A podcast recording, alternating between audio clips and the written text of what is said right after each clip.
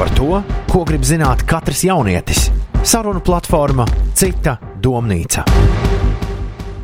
Čau, klausītāji! Mans vārds ir Monika Martinso, un klāt ir raidījums Cita domnīca, kurā, kā jau ierasts, katru nedēļu apskatām kādu tematu, kurš ir ļoti aktuāls jauniešiem. Un mēs piecinām arī viesus, lai diezgan tādā brīvā gaisotnē par to parunātu. Un šonadēļ runāsim par kādu tematu, par kuru skolā nestāsta, bet vajadzētu gan stāstīt. Uh, tas ir temats par naudu. Tas ir temats par uh, finansiālām grūtībām, kā sakārtot savas finanses, kā iemācīties rīkoties ar naudu. Un tiešām es jau teicu par to, ko skolā nestāsta, bet tiešām vajadzētu, jo es domāju, ka lielākā daļa no jauniešiem un jebkurš cilvēks uz pasaules ir saskāries ar finansiālām grūtībām, jebkad savā dzīvē.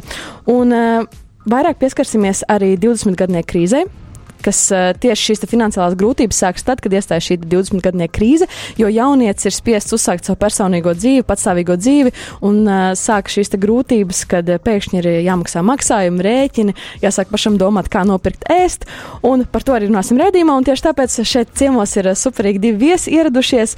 Pirmā no tiem ir Paula Birzniece, youtubere, blogere, iedvesmotāja. Sveika, Paula! Jā, sveika, skolniece arī. Skolniece arī 12. Jā. klases skolniece. Paula, pastāst par sevi, cik tev ir gadi? ko vēl es nepieminēju par tevi? Man ir uh, 18 gadi, mācos skolā, 12. klasē, gatavojos eksāmeniem, tāpat kā visi citi. Un, uh, jā, es dzīvoju atsevišķi no vecākiem. Tādēļ uh, būs man arī daži knifiņi, ko pastāstīt par to, kā, kā labāk neiztērēt visu naudu pirmajās nedēļās. Uh, tu pelni naudu arī pati? Uh, pašai man ir papildus ienākumi, kas ir tieši no Instagram, bet uh, tā pārsvarā man palīdz man uzturēt uh, mani vecāki. Un otrais viesis šodien raidījumā ir, es, es jau minēju iepriekš, ka es paņēmu šo aprakstu no šī vieša, mā, viešņas, viešņa mājaslapas. Tas ir konsultants, biznesa treneris, rakstnieks, kurš raksta blogus par biznesa finansēm un to, kā labi dzīvot Latvijā. Un vēl viņš ir pensiju pārvaldītāja indekso vadītājs. Tas ir Toms Kreitsbergs. Sveiki! Vai es kaut ko tev nepieminēju, Tom, par to, ko tu dari? Ai. o, ko tu nedari labāk? Jā, jā tas būtu precīzāk. Prieks, ka jūs abi esat šeit, jo. Ir svarīgi dzirdēt jaunietis, kura tūlīt, tūlīt stāsies šajā 20 gadnieku krīzē, iespējams, vai jau ir iestājusies mazliet ātrāk. Un uh, svarīgi ir arī dzirdēt uh, cilvēku, kurš ir atbildīgs par finansēm, kurš saprot lietas par finansēm, kurš var to komentēt. Tā kā man prieks, ka jūs abi šodien esat šeit, un kopā mēs diskutēsim, kā padarīt klausītāju dzīvi labāku, vieglāku un, iespējams, iedot kādu padomu, lai palīdzētu labāk dzīvot. Un es sākšu ar to, ka piecēlvē Instagram kontā izveidojam aptauju, lai noskaidrotu to, cik daudz jaunieši piecēlvē Instagram sekotāji ir saskārušies ar finansiālām grūtībām. Uz jautājumu, cik no sekotājiem saskārušies ar finansiālām grūtībām, piedalījās 70, 790 cilvēki piedalījās aptaujā, un 701 cilvēks, jeb 89% atbildēja, ka jā, ir saskārušies ar finansiālām grūtībām, kam es ļoti ticu arī, bet 11%, jeb 89 cilvēki teica, ka nē. Jūs ticat tam, ka ir arī cilvēki, kas nesaskarās ar finansiālām grūtībām? Nu, vismaz ne ar to, ka nauda trūkst. Ir tādi laimīgie, kuri piedzimst. Nu, vēl jau ir jautājums, kāda bija ve vecuma auditorija.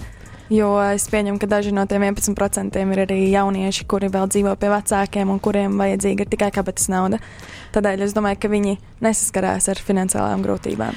Tieši par to mēs arī parunāsim, par to, kādas ir atšķirības, ka tu vēl dzīvo pie vecākiem, ka tu nesaproti naudas vērtību, un pēc tam, kad tev dzīve piespiež saprast šo vērtību. Un es uh, uzdevu vēl vienu jautājumu piecēlē Instagram kontā par ātriem kredītiem, jo arī šodien raidījumā mēs par to parunāsim, jo ātrie kredīti ir uh, sekas tam, ka jaunietis nemāk rīkoties ar finansēm, es tā domāju. Tās ir visbriesmīgākās sekas, es gribētu teikt. Uz šo jautājumu atbildēja 910 cilvēku, un 233 uh, no tiem, kas piedalījās, tikai atbildēja jā, bet 677 atbildēja, ka nē. Tas ir ļoti labs rādītājs, kaut gan tomēr liela daļa arī bija paņēmuši. Tas ir 26% atbildēja, ka ir aizņēmušies, bet 74% atbildēja, ka nav. Tā kā, nu, tomēr labāk, ka lielākā daļa nav izmantojuši šo iespēju uh, aizņemties ātrā kredītu. Jā, sākšu ar jautājumiem jums. Vai jūs paši esat jebkad bijuši finansiālās grūtībās? Paula. Nu, izskaita finansiālas grūtības, ka tad, kad es sāku dzīvot viena, man bija noteikta summa, kas man bija ieskaitīta mēneša sākumā, pirmajā datumā. Un ar to man arī ir jādzīvo visu mēnesi. Un tad, jā, sākumā, kad tev vajadzēja sapirkt visus slotes, un mērcītes, un sāli un piparus, nu, visus sīkumus, kurus, manuprāt, es pat nepamanīju mājās, jo es domāju, nu, tā taču ir ikdienišķa lieta, kas tur ir, ka tev pašam tas bija jāsāk pirkt un jāsāk darīt, tad, jā, tad tu saproti, ka tā nauda aiziet ātrāk nekā tev gribētos. Un tad, nu, mēneša beigās man ieradums ir dzīvot uz rīsiem un makaroniem, jā, jo mēneša sākumā tev, protams, patīk mazliet uh, buržvīgāku dzīvi padzīvot. Bet uh, nu, tās ir uh, par laimi vienīgās finansiālās grūtības, kas man ir, uh, man ir bijušas. Vēl joprojām tā ir? Vēl joprojām mēneša beigās? Reizēm, reizēm paslīd kāja, jā, vai, vai kādam draugam ir dzimšanas diena, vai vienkārši gribās aiziet vakarā uz vecrīgu pasēdēt, tad, nu, cik nu pasēdēt var vecrīgā. bet, bet jā, reizēm, reizēm ir tā, bet ir ļoti daudz labāk, kā bija pirms pusotra gada, jo pusotru gadu dzīvoju viena.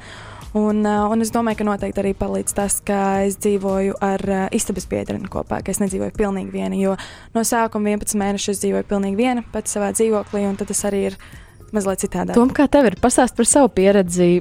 Varbūt arī tieši šajos studenta gados, kad uh, pamet vecāku mājas, uzsāk savu patstāvīgo dzīvi. Kā tad bija? Es uh, 17 gadu vecumā aizbraucu uz ASV studēt. Es biju pilnīgi atslēgts.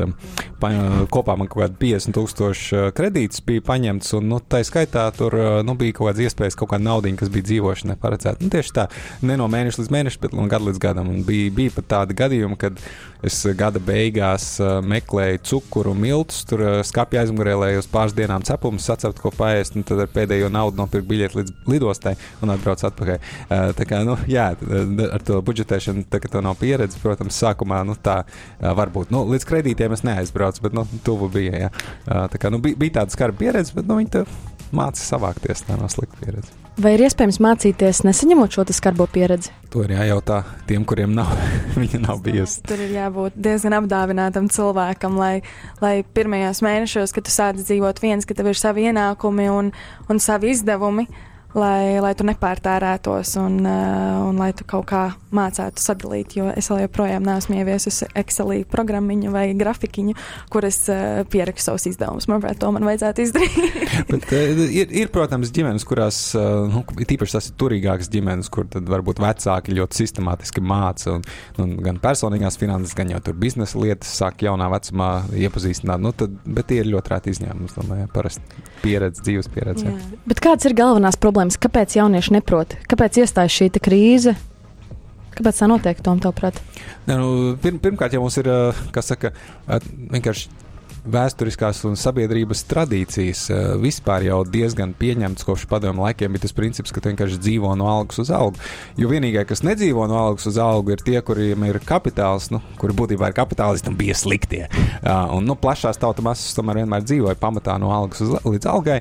Uh, un tad, nu, ja tu tā redzi, ka tavu vecāki tā dzīvoja, un tu pats uh, sāc dzīvot, tu līdzīgu modeli piekāp, uh, piekop. Un ja tu dzīvo no algas līdz algai, tad ļoti liela iespēja, ka uh, ik laiku pa laikam notiks kaut kas negaidīts, un to viņi pietrūks mēneša beigās. Un tikai tad, kad tu sāc domāt kā mazais kapitalists un tur iekrāt, nu, tad tev ir uh, iespējas savādāk dzīvot. Vai tu tagad dzīvo no algas līdz algai? Pavisam noteikti nē. Bet uh, pirmajos gados arī pēc universitātes, kad es sāku pelnīt, jā, lai gan alga bija ļoti liela, es strādāju Wallstreetā, bet uh, es arī nemācēju sākumā iekrāt. Uh, Kā tu nolēmi studēt par finansēm? Kāpēc tev interesē tieši finanses? Es studēju fiziku. Fiziku. Jā, bet, bet man, tu strādāji Wallstreetā? Jā, man pēc trešā kursa bija čapnika fizika. Es sapratu, ka nu, es vairāk skatos televīzijas seriālus, nekā tur veids kaut kādus eksperimentus vai ko, ko man tur vajadzēja darīt. Un sapratu, ka vajag kaut ko praktiskāku. Bija 50 tūkstoši tie kredīts, vajadzēja atpelnīt. Paziņa strādāja Wallstreetā, parunāja ar viņu. Tas nebija viegli, tur trīs mēnešus rīktīgi ņēmos, bet nu, dabūju, dabūju darbu bankā. Wow, super! Un kādā bankā vēl vai ne? Jā, jā tad bija UBS Invest Investment Bank, viena no pasaules lielākajām investīciju bankām. Tieši finanšu krīzes sākumā bija ļoti interesants laiks tur. Par šo laiku runājot, Pauls, gribētu pajautāt tev, tu minēji, ka tu šobrīd darbojies kā Instagram iedvesmotāja, YouTuber un arī no tā pelni. Kā, kas ir tas, ko tu vari nopelnīt ar to? Um, teorētiski es nopelnu sev papildus izmaksas. Es uh, nopelnu īpašās sev, ekstra izmaksas. Jā, jā kas, kas nav ēdiens un kas nav dzīvokļa īra. Vai kas nav zāles nepieciešamās. Es nopelnu festivālus, koncertus, drēbes, vecrīgu. tas, ir, tas ir tas, ko es varu ar uh, Instagram nopelnīt. Vai Latvijā vispār iedvesmotāji var, in, šie influenceri var nopelnīt tā, lai izdzīvotu bez vecākiem, piemēram, bez vecāku um, palīdzības? Es domāju, ka nē. Tāpēc tā ir tāda kā sezonāla lieta, ko es, esmu, es nodarbojos ar to, ar šo pelnīšanu jau trīs gadus.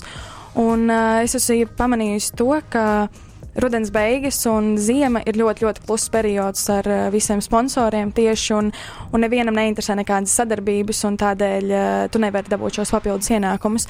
Un, kad tuvojās pavasaris, tad tev ēpasts ir uh, pilns un pārlādēts, un, uh, un tad tev ir, jā, tad tev ir jāsāk domāt no otra gala, vai tev vajag tik daudz šīs sadarbības, jo man jau ir koks ar diviem galiem, man ir jādomā, lai man ir kaut kāda papildus ienākuma, man ir jādomā, vai mans šis te kontents un saturs, vai viņš paliek tāds, kāds ir mans saturs. Un, un tad man ir jādomā par divām lietām vienlaicīgi. Šobrīd tā ir. Jā, jā, un cik jā. tu, piemēram, varētu nopelnīt šomēnes, ja tu piekristu visām sadarbībām, kas tev ir iekritušas e-pastā? Nu, es domāju, ka kādas Vispār par to maksā Latvijā vai tikai ar produktiem? Tas, kā es nopelnu, ir eh, tieši ar šīm kompānijām, kuras vēlas, lai es reklamēju viņu produktus. Un tas ir veids arī, kā, manuprāt, lielākā daļa no Latvijas iedvesmotājiem pelna. Tās nav regulāras mēneša algas, tie nav regulāri ienākumi, tie ir dažādi ienākumi, bet, protams, mēs paši uzliekam sev kaut kādus eh, šos te griezti tie nav. Tas ir pilnīgi otrādi, kaut kādu limitu, no kura mēs sākam strādāt, un tad arī notiek šī saruna ar eh, kompāniju, vai viņi tam piekrīt vai nē. Jo katrs mēs esam noteicis savu cenu. Un, uh, jo tomēr viņi izmanto mūsu seju kā savu brendu reklamēšanai, un tad mums arī ir sava cena. Un, nu, cik es nopelnu, es neteikšu precīzu skaitli, bet nu, vasarā ir labi. bet jaunietim, kurš klausās, tu ieteiktu mesties iekšā šajā influenceru pasaulē, vai tomēr padomāt par kādu nopietnāku darba vietu, kur varētu regulāri pelnīt? Es domāju, ka būt par influenceru ir ritīgi jautri, ir, ir ļoti forši, ir, ir forši pieredze, var satikt jaukus cilvēkus. Un, Bet uh, tas nav visiem, manuprāt. Un, uh, un arī, kad es sāku nodarboties ar Instagram un uh, YouTube video filmēšanu, man nekad prātā nebija ienācis, ka es ar to varēšu kaut ko nopelnīt. Un tad, kad man 2015. gadā bija pirmā sadarbība, viņa nebija apmaksāta. Tā bija vienkārši kā šis barteris, kur atsūta tev preci, un tu viņu noreklamē, un viņi visi ir laimīgi. Un arī es biju laimīga, man bija pirmā atsūtītā prece, man bija wow, kaut kas notiek. Un tad, tad jā, bet es nezinu, man piemēram. Tas ir ideāls veids, kā nopelnīt tieši, manuprāt, skolēniem. Un uh, tie, kur mācās augstskolā, varbūt nav laika strādāt papildus darbā. Bet, uh, bet tur arī ir uh, savas nianses. Un pēc pieciem gadiem, kad tu esi postojis dienas dienā Instagramā bildes, tev bišķīt sāk apnikt jau tas. Tom, tu arī esi indekso vadītājs, šobrīd nopietnu uzņēmumu vadītājs. Vai tu, tu arī raksti blogu, vai tu arī piepelnies ar šādām barteru sadarbībām, vai kā citādi tev sūta kādas produktus? Uh personīgi, tā kā man ir pietiekami liela cita ienākuma avoti, es uh, savu mājaslapu vai savu blogu tam neizmantoju. Uh, jo, protams, nu, uh, jebkurš cita saturs, ko tu tur lietas, nedaudz samazina uh, tava satura vērtību. Jo vairāk tu lietas, jo vairāk samazina. Uh, es varbūt kādreiz parei, pareklamēju pats savus, piemēram, dažādus seminārus vai vēl kaut ko. Un tas arī es to nevaru darīt pārāk bieži. Bet nu, es to daru, un tas, protams, palīdz uh, ceļu ienākums. Ja. Mans vārds ir Monika Martinsona, tu klausies raidījumu Cita domnīca, un šodien mēs runājam par naudu, par finansēm, kā iemācīties sakārtot savus finanses, un par to arī raidījuma otrajā daļā. Saruna platformā Cita domnīca. Saruna platforma Cita domnīca. Šodien runājam par to, kā iemācīties dzīvot ar naudu un kāpēc jauniešiem, diemžēl, pietrūkst finanšu pratības. Un tieši tāpēc šodien ciemos ir divi lieliski viesi. Pirmā no tiem Paula Birzniece, kur darbojās kā Instagram iedvesmotā YouTuber blogere, un finansists Toms Kreitsbergs, arī liela uzņēmuma indekso vadītājs. Sveiki vēlreiz! Un, Es gribētu parunāt par to, kādas ir galvenās problēmas, kāpēc jaunieši neprot rīkoties ar savām finansēm. Pirmajā redzējuma daļā mēs iepazināmies ar to, kas mēs esam, kā esam nonākuši līdz tam, kur mēs esam. Un par problēmām es vēlētos izcelt trīs lietas. Un, uh, pirmā no tiem būtu tāda, ka neprot plānot un krāt jaunieši, par ko mēs arī sapratām, ka tieši pēc šī vecāku līgas pamešanas uh, neprot tieši sakrāt un saplānot savus izdevumus. Otrā lieta ir tā, ka dzīvojot ar vecākiem, vecāki pērk dārgas dažādas mantas, un uh, jaunieci pierod pie tā, ka viss ir pieejams, nevajag neko pašam tērēt. Un trešā lieta ir tā, ka jaunieci nepiepelnās pats, jau esot pusaudzis un nesaprot naudas vērtību. Vai jūs piekrītat, vai kāds jūs domājat, kādas ir galvenās problēmas, kāpēc jauniešiem pietrūkst šīs finanšu pratības? Es domāju, ka daudz kam apakšā ir uh, motivācijas jautājums. Uh, ja tev ir īstā motivācija sākt krāt un budžetēt, tu to iemācīsies ļoti ātri. Tā neprašana nepaliks. Ja nav motivācija, tad nē. Un motivācija, ja, ja tu skaties uz dzīvi tā, ka nu, priekš kam atlikt, priekš kam krāt jādzīvo šodien, uh, tad, protams, tā nav motivācija. Man motivācija mainījās tajā brīdī, kad es sapratu, ka nauda un uzkrājums īstenībā ir brīvības garants. Ja tev nav nauda, tev ir visu laiku kādam citam. Nu, jāvergo. Tev visu laiku ir jāstrādā tur, kur tev saka, jādara tas, ko tev saka. Ja tev uh, nepatīk boss, nu, nepaveicās, bet tev ir jāstrādā. Uh, ja tev ir nauda, ja tu esi iekrājis, tu vari darīt to, ko tu gribi. Tu vari paņemt gadu brīvu, tu vari ceļot pa pasauli, tu vari darīt citas lietas. Un tajā brīdī, kad es sapratu to, tad man motivācija pavisam mainījās. Un es domāju, arī daudziem jauniešiem vienkārši paiet kaut kāds brīdis, tu saproti nu, es vairs negribu tā, tur tikai strādāt, strādāt un pa vakariem izklaidēties. Es gribu savādāk. Nu, tad viņi ir uz naudu sāk skatīties savādāk. Es gribu arī savu mājokli, jo tas nozīmē to, ka kaut kādā brīdī tomēr tu vēlēsies veidot arī ģimeni, tu vēlēsies, lai tev ir stabilitāte. Un, protams, kā tu vari izveidot stabilitāti, ja tev nav nekāda iekrājuma arī. Vai. Un uh, vēl es gribētu izlasīt Latvijas Universitātes profesors Pauģa pētnieces Zāns Rubens citātu, kurš man ļoti, ļoti patīk, jo viņi ir teikusi tieši par milēniāļiem, ka milēniāļi nav tendēti šo naudu krāt mājoklim, ja kādu, ko viņi nopelna, vai mistiskai nākotnē, bet gan dzīves baudīšanai tagadnē. Tas ir tas tieši, ko tu minēji, Tom, tikko, un tas ir pierādīts, ka milēniāļi vienkārši neredz, ka tas būtu jādara. Bet eh, es ne, negribētu teikt, eh, es galīgi nestāstu, ka vajag tagad eh, mājai krāt. Es pats neesmu māju nopircis un tam nekad nekrāju, bet kā piemērs pieredze, tas, ka man bija iekrāta nauda, es varēju gadu dzīvot Kubā un mācīties afrokubas dejas vai darīt citas lietas. Ja, ja es strādātu darbā un, un tikai no algas līdz algai, man nebūtu bijusi tāda iespēja. Nu, tas, tādas arī iespējas tu vari nopirkt ar to, ka tu krāji un atliec. Paula, vai tu redzi tādu tendenci, ka jaunieši dzīvo tagadnē un uh, vispār neplāno neko nākotnē tieši ar savām finansēm saistīt? Manuprāt, manuprāt, tā ir eh, ļoti liela taisnība, un manuprāt, tur ir jāvaino tieši mana sfēra un visi šie iedvesmotāji un influenceri, jo tas, ko mēs redzam šajā Instagram platformā, ir ārzemju blogeri, ārzemju Instagrameri, kuriem, protams, ir ienākumi pilnīgi citā līmenī, kā mums ir Latvijā. Un, un viņi var ceļot. Un viņi ceļo, un viņi ballējās, un viņi brauc uz smukām mašīnām, lido ar privātām lidmašīnām. Un uh, loģiski, ka šim Instagram patērētājam rodas sajūta, ka bāc, tā ir tā īstā dzīve. Ka, un arī visu laiku, manuprāt, mēs dzirdam apkārto frāzi, ka tev ir jāceļo, jo tikai tā tu vari iegūt dzīves pieredzi. Es pati tagad arī plānoju ceļojumu, un, jo tas ir vajadzīgs, bet, uh, bet arī cik bieži. Un, bet, uh, bet, jā, manuprāt, jaunieši ļoti pieraduši pie tās domas, ka ir tagad, un, manuprāt, mēs vispār neiespringstam uz to, kas būs tālāk. Un, un arī es ne, man ir jādomā par universitātēm, man viena ir plānā, es ceru, ka es tur tikšu iekšā. Un, tad jau dzīvos un skatīsies. Un, manuprāt, tāds ir, diemžēl, vai par laimi, ir, ir mūsu moto. Bet es domāju, ka tur arī var varbūt vainot arī skolu, jo man ekonomikā mācīja, kā aprēķināt neto un bruto kas jā, varbūt ir svarīgi, bet uh, par krāšanu mums skolotāji pateica, ka ir jā, jāspēj krāt pēc trīs mēnešiem, no es vēl neesmu sākus pēc pusotra gada krāt. Tā kā es nezinu. Tom, par ko tavuprāt vajadzētu runāt ar jauniešiem tieši šajā kontekstā, par ko jau agrāk vajadzētu stāstīt? Atgriežoties pie tā motivācijas temata, es domāju, ka vajag tādus konkrētus piemērus, kā var atšķirties dzīve pa dažādiem ceļiem.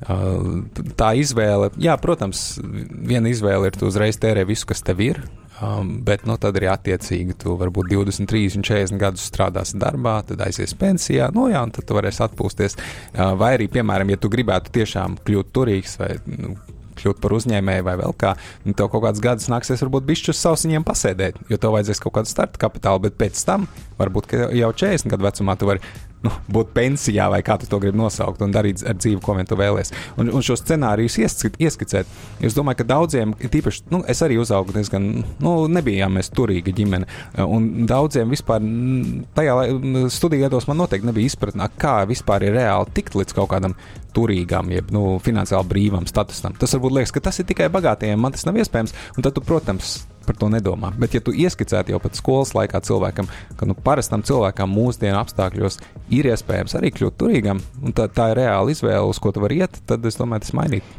Jā, jo man šķiet, ka daudzi jau sevi tā kā noraksta, jau esot jauni, bet, pieņemsim, ir iespēja, ir iespēja augt, ir iespēja pilnveidoties, ja tev ir mērķi, ja tu plāno tiešām klausītāji, tu klausies šo raidījumu, saproti to, ka tev ir visas iespējas būt veiksmīgam dzīvē, un nekas tev no tā neatur. Un tikai tas ir ļoti cieši saistīts ar naudu, ar finansēm un ar to, kā tu izvēlējies, kur tērēt savu naudu. Tu minēji par skolām, par to, ko skolās nestāst, bet es gribētu arī mazliet parunāt par vecākiem, jo cik liels uzdevums ir vecākiem iemācīt kaut ko. Mēs ne, nevaram runāt šeit par audzināšanu, nekādā gadījumā es to nevēlos darīt, bet uh, es esmu dzirdējis vienkārši stāstus, ka bērni prasa no vecākiem, ka viņiem šķiet, ka vecākiem ir bezlimita budžets, bezlimita naudas koks, no kur var tikai plēst, plēst, plēst. Tā nav. Kā likt saprast, kā palīdzēt saprast bērnam to, ka, nu, diemžēl no vecākiem nevar plēst un plēst? Nu, man, man, bija, man ir paveicies ar maniem vecākiem, jo es atceros jau cik man bija gadi, ap desmit. Es gribēju savu baby bornu. Un uh, viņa man teica, ja tu gribi baby bornu, tad tu vari viņu nopirkt pati. Un uh, pa visādām dzimšanas dienu, vārda dienu naudiņām es uh, sakrāju tos 38 latus un aizgāju nopirkt pati savu baby bornu. Un, un tā arī es esmu audzināta, un visi mani brāļi un māsas arī tiek audzināts, ja tu gribi kaut ko ekstra, ja tu gribi jaunāko iPhone tad pats sakrāja un pats nopelna. Manuprāt, tas ir ļoti labs veids. Protams, eh, es, kad biju mazāka, man tas šķita vājprāts. Kāpēc? Jo citiem maniem draugiem pirka datorus un telefonus un ķēdes un ko tik vēl ne. Un, uh, un viņiem nebija pašiem tas jāmaksā. Viņi varēja, nezinu, iet kafejnīcā un uh, nopirkt visus saldumus. Ja? Bet man bija jāskrāj pašai naudu un pašai bija jānopērk. Un, manuprāt, tas arī bija tas, kas, kas jau man tajā brīdī lika saprast, ka, ka jā, ja es gribu kaut ko vairāk, uh, tad man tas pašai ir jādara. Manuprāt, tas ir viens no labākajiem veidiem, kā savam bērnam parādīt to, ka, ka viss nenāk no gaisa. Jo tajā brīdī tu pats saproti, ka nu jā, iPhone tu nevari nopirkt. Tā tev ir mazliet jāpiestrādā, vai vasaras darbs, vai, vai kaut kas cits. Jā, un es tieši esmu dzirdējis, ka tiem jauniešiem, kurus vecāki netik ļoti atbalsta, netik ļoti dod visu, cik vien ir iespējams, ir lielāka motivācija arī pēc tam. Kā tu domā, Tom? Pieņemsim, savam bērnam, kā tu, kā tu mācītu šo finanšu pratību? Man tieši tagad ir divgadīgs puika un pavisam maz meitiņa. Uh, bet es negribu pārāk gudroties, jo dzīve var pierādīt, ka es nezinu tik daudz, cik es domāju. Uh, bet uh, es domāju, ka liela taisnība. Nu, kādreiz man ļoti patīk spēlēt datorspēles. Tie, kas spēlē datorspēles, zina, ka tur ir visādi tā saucamie cheat kodi, vai tu ievadi kaut ko un pēkšņi tev ir nebeidzami daudz naudas un dzīvības un tā tālāk. Un tie, kas to ir darījuši, ir konstatējuši, ka tev 5 minūtes ir interesanti, bet pēc tam paliek garlaicīgi. Ja to vienkārši tāpat tās visu iedot, tad dzīvē ir reāli garlaicīgi. Un es domāju, ka to ir jāatcerās arī domājot par bērniem. Pat ja tava situācija atļautu tur pirkt un dot un visu kaut ko citu, vai tu gribi viņu nolikt tajā pozīcijā, ka viņam nav jēga par neko dzīvē pūlēties vai cīnīties. Man patīk, kā Vils Smits ar savu sievu reiz teica, ka viņš savus bērnus neaudzina tā, kā, kā viņi būtu miljonāri, miljardieri, jo viņš stāsta, ka tā ir viņu nauda, viņa un sievas nauda, bet bērniem būs jānopelna pašiem savu naudu. Man šķiet, tas ir ļoti labs kā, veids, kā ieaudzināt šo naudas sapratni par naudu, kā rīkoties ar naudu. Un par naudu runājot, kādas ir sekas tam, ka jaunietis bieži vien neatrod šo motivāciju meklēt darbu vai pats atrast izēju, tie ir ātrie kredīti. Jaunietis bieži vien aizņems jau no 18 gadu vecuma ļoti viegli to ir izdarīt. Tur principā nevajag neko gandrīz, tu tikai aizpildi dažus šailītes, var samalot par sevi un tu saņem naudu savā kontā. Um, Paldies Adriešu Kaparē, kura mums palīdzēs sagatavot nākamo sižetu. Tas ir par diviem pieredze, tie ir divi pieredzes stāsti par jauniešiem, kuri 18 gadu vecumā ir aizņēmušies un kā tas viss ir beidzies. Klausāmies! Gribējās kaut ko jautru, kaut ko padarīt, bet naudas nebija nekam. Un tad redzējām, reklāmās, ka var dabūt uz ātrā naudu, tie saucamie ātrie kredīti. Jā. Un ar draugiem nolēmām pa četriem paņemt ātrā kredītu. Un pēc tam nu, visi sametīsimies kopā un uzreiz nākamajā mēnesī atdosim viņu. Jā. Izlēmām paņemt, man liekas, ka 500 eiro bija, tas jau bija sen. Paņēmām tos 500 eiro pa četriem un nopirkām sem, kā jau jauniešiem vajag, bembi, vecus sarūsējuši bembi. Jā, ar bembi nopirkām, visi četri braukājāmies, jautri, viss jautri dzīve izdevusies tajā brīdī likās. Pienāca tas brīdis, kā jāsāk atdot tā nauda lielā. Darba nevienam nebija, visi dzīvojam vēl pie vecākiem. Vienam draugam nav naudas, lai atdot, otrs kaut kur pazuda, vairs necēl trubu, trešajam arī nav naudas, un ceturtais vispār kaut kur nozuda. Nu, un jā, tie saucamie draugi. Un, bet tas viss kredīts bija rakstīts uz manu vārdu. Nu, no sākuma visu laiku pagarināja, pagarināja, pagarināja. Tur pagarināt nebija arī kaut kāda, man liekas, 12 eiro. Vienkārši lai pagarinātu. Pagarināja, pagarināja, pagarināja. Līdz brīdim, kā uzmet uz to visu mīksto nemaksāšu un viss. Es jau nezināju, kas jau nāks pēc tam visām sekām. Jā, nemaksāju, nemaksāju. Nāca visu laiku vēstules uz manu pastu, visu laiku viņas ņēma un slēpa, lai vecāki nepamana, kā nu, esmu paņēmis tādu kredītu uz savu vārdu. Un vienkārši pienāca tāds viens brīdis, vienā nejaukajā rītā, jau pie durvīm stāvēja cilvēks. Vilku runājot, izsitējis, dod naudu. Kad mums palika 18 gadi, man labāko draugu, mēs izklaides pēc izdomājām, paņemsim mazu summu un paskatīsimies, kā būs. Jauks vakars mums izdevās, viss forši, viss kolosāli. Un atdot arī bija viss vienkārši. Ja. Nu, tā mums bija tā pirmā pieredze. Vēl tāds stāsts, ka, ja tu paņem kredītu 150 eiro, tad dabūji uz laimes vaidots koncerts. Laikam, bija tas. Un tur bija vēl, ka bija jābūt Raimondam Paulam. Tur baigi visā arēnā notika liels koncerts.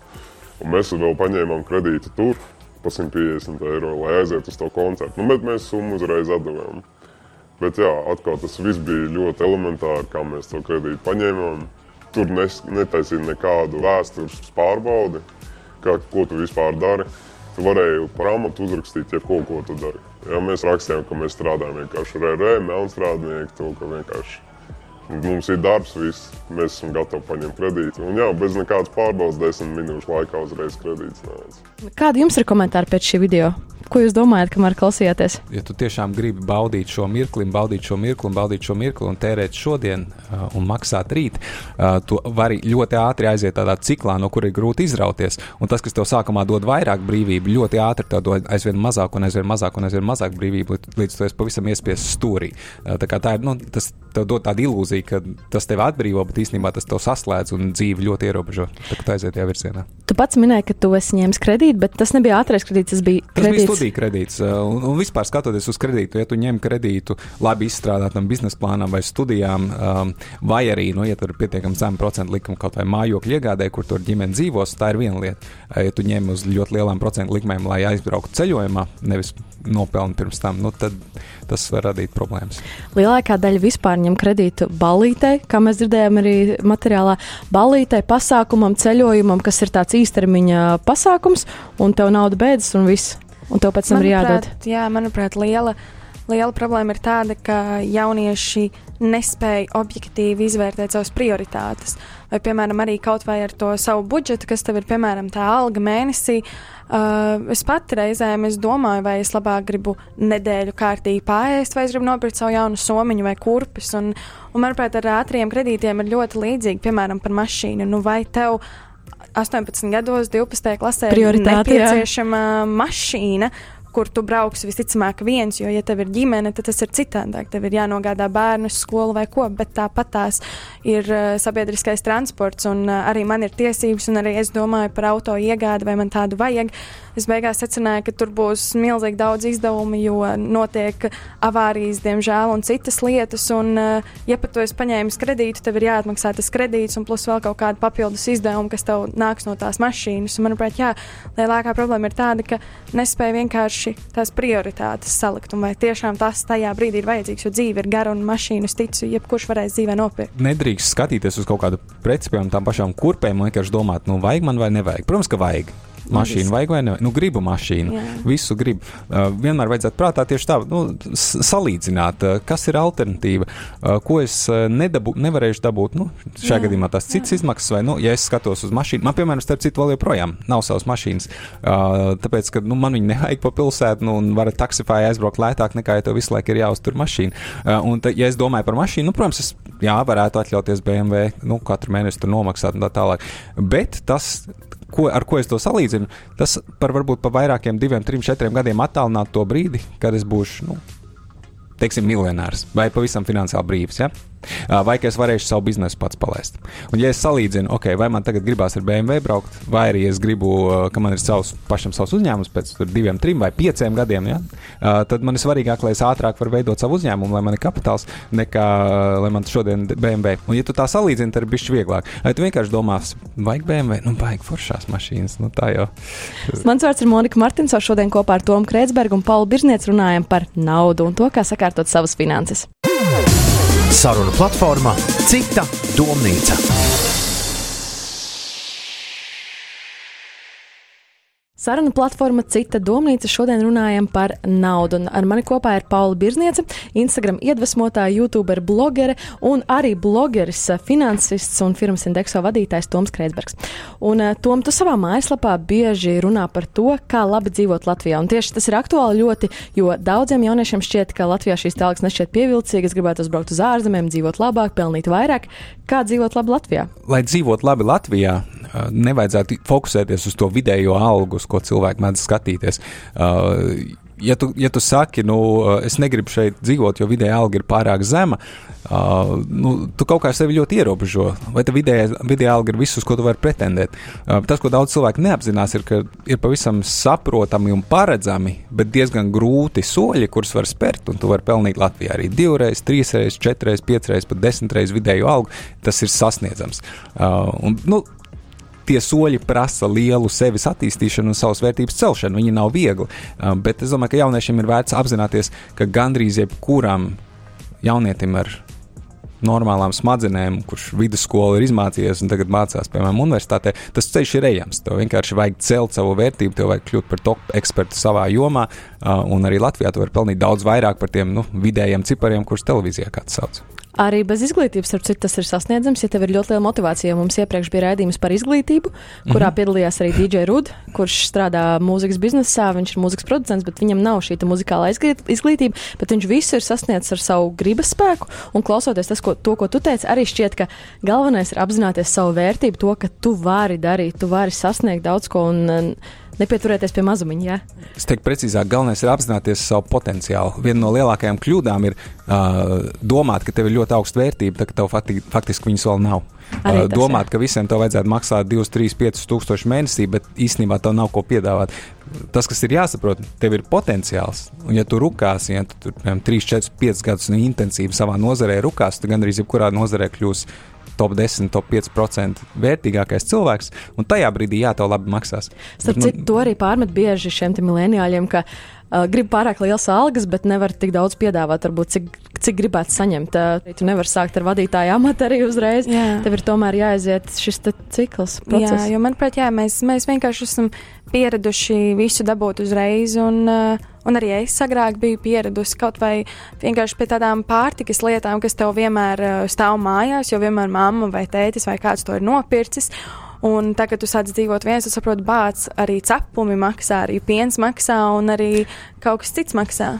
Es gan gribētu nokomentēt, nevajadzētu iefokusēties uz to, ka jāaiziet cikls vai karjeras cikls. Tas tieši daudzus noved depresijā un noved tajā, ka viņi pelna daudz mazāk nekā viņi gribētu un sasniedz okay, daudz labi. mazāk nekā viņi gribētu. Tev ir jāceļ sava vērtība. Par, parastais cilvēks, kurš kāp par karjeras kāpnēm, nekad baigi neizdalīsies no kopējās masas, ne sasniegumos, ne ienākumos. Tev ir jāceļ, jāceļ savu vērtību trīsreiz ātrāk un vairāk nekā tiem, kas ir ap tevi. Pats izglītojies, meklē internetā, ej uz bibliotēku, ej uz kursiem, attīst sevi, kļūst tiešām spits savā jomā, tā lai visi citi saka, nu, jautā, kur ir eksperts, nu, runā ar Arti vai Annu vai vēl, nu, kļūst par to cilvēku pats savā brīvajā laikā, un tad tu varēsi sasniegt visu, ko tu gribi, un dzīve būs daudz foršāka un interesantāka. Nevis nu, kaut kādā tur tipiskā karjeras progresija, divus gadus šajā amatā, trīs gadus šajā. Tas ir garlaicīgi un tajā veidā. Ne, protams, protams, bet tomēr ir jāsaprot to, ka tu nevarēsi arī uzreiz, uzreiz būt vadītājs, jā, un tagad noteikti ne. man būs tagad 2000 mēnesī alga. Jā, vienkārši to nevajag gaidīt, ka kāds tev iedos ceļu, kā to izdarīt, to pašam ir viņš jālauž. Jāiet un jādara. Jā. Tā, manuprāt, mēs jaunieši esam pieraduši dabūt uh, visu uzreiz, bet uh, arī no saviem vienaudžiem es dzirdu to, ka daudzi pat nedomā par darbu, bet ir tādi, kuriem ir diemžēl jādara šis darbs un arī jāpelna šī vidējā alga, bet, uh, bet arī tas nenozīmē, ka viņiem ir slikta dzīve tādēļ. Bet vienkārši, ka, ka cilvēki ir tik dažādi, ka manuprāt, nav pat viens tāds uh, veiksmes stāsts vai veiksmes ceļš, un, un arī kā mēs pirms tam runājām, arī nauda reizēm nav galvenais. Galvenais ir kā, kā mēs dzīvojam.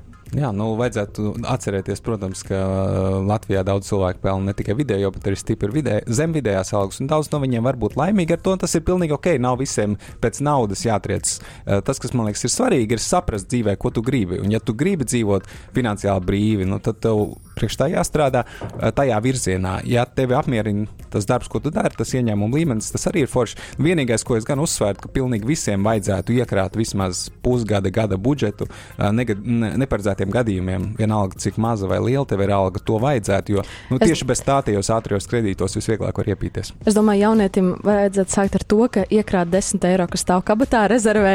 Ja nu tev vajadzīgs kaut kur aizbraukt ātri, nezinu, uz mājām, uz mm. savu dzimto pilsētu, es domāju, tas jau ir sākums jaunietim tiešām turēt 10, 20 eiro drošībai, nekā ka tev ir jāmeklē santīmiņu pa, pa kabatām. Tā kā, kāda būtu jūsu secinājuma par to, kā iemācīties dzīvot ar finansēm prātīgi, Paula? Finansēm prātīgi. Tieši šajā 20 gadu krīzes laikā. Nu, es ceru, ka man tāda nebūs un nepienāks, jo pagaidām es nejūtos, ka tā būtu. Bet uh, kā iemācīties dzīvot prātīgi, ir uh, izvērtēt pirmkārt jā, prioritātes, un saprast, ka tā nauda neuzradīsies no gaisa, un tev ir alga, tev ir tas viens mēneša ienākums, ja tā nav alga, tu viņu iztērēsi, un viss tev nekā vairs nebūs. Un, jo, piemēram, dzīvojot ar vecākiem, tev iedod, piemēram, nedēļai kabatas naudu. Tu iztērē viņu trešdienā, un tu pajautā vecākiem ceturtdienai un piekdienai, un tev tāpat tās iedos. Bet, uh, bet ar algu vai ar to savu ienākumu tev, tev tā nebūs. Ja tu iztērēsi, tad tu iztērēsi un viss. Un tādēļ, jā, manuprāt, svarīgākais ir izvērtēt šīs prioritātes, bet, protams, to ir ļoti grūti saprast pirmajā mēnesī, kad tu dzīvo viens, un, un tas viss nāks ar laiku. Bet, uh, bet nevajag pārtērēties, jo tas ir, tas ir trakākais, kas, jā, kas, kas ir tad, kad tu sāc dzīvot viens, jo tev tev ir nauda, tu esi viens, wow, tu vari darīt visu, tev neviens nekontrolē. Un tas arī ir tas, kas daudziem šķiet visforšākais. Bet, uh, bet tā galīgi nav reizēm foršāk, tas, ka tu visu mēnesi vari izdzīvot ar to savu naudu, un tu esi paēdis, un tu jūties labi.